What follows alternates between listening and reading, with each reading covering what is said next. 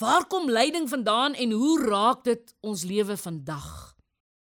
Hoe kan ons lyding omskryf en raakvat? Nou lyding kan breedweg vertaal word met verdrukking, nood, rampspoed, vervolging, ontbering, moeilikheid en lyding.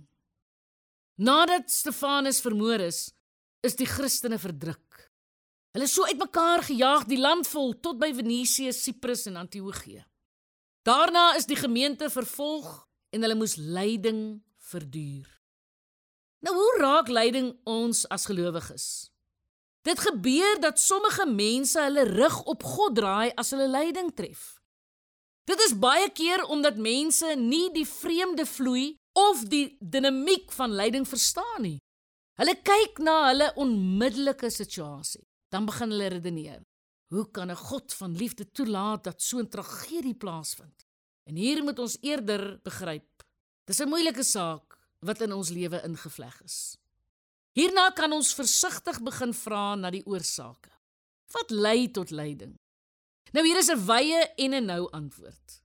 Breedweg tref lyding ons omdat ons in 'n stikkende wêreld leef. Dis die geval van Adam en Eva se val in die paradys.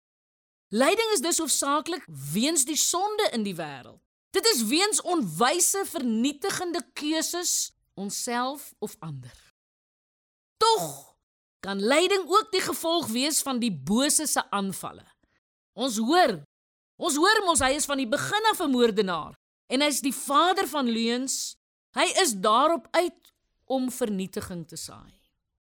Lyding toon dat die bose steeds mag in die wêreld uitoefen. Al het Jesus hom aan die kruis oorwin.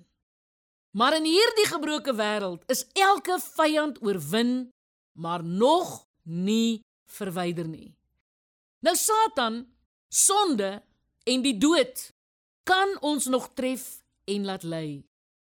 Die aanvanklike lyding in Eden was weens 'n stikkende verhouding tussen mense en God. En dis die rede vir baie van die hartseer en pyn wat ons vandag steeds op aarde beleef. En hierdie dinge verwys vandag na stikkende verhoudings tussen mense. Tussen man en vrou, tussen werkgewer en werknemer of tussen groepe. Die een politieke party haat die ander en die een nasie maak oorlog teen die ander.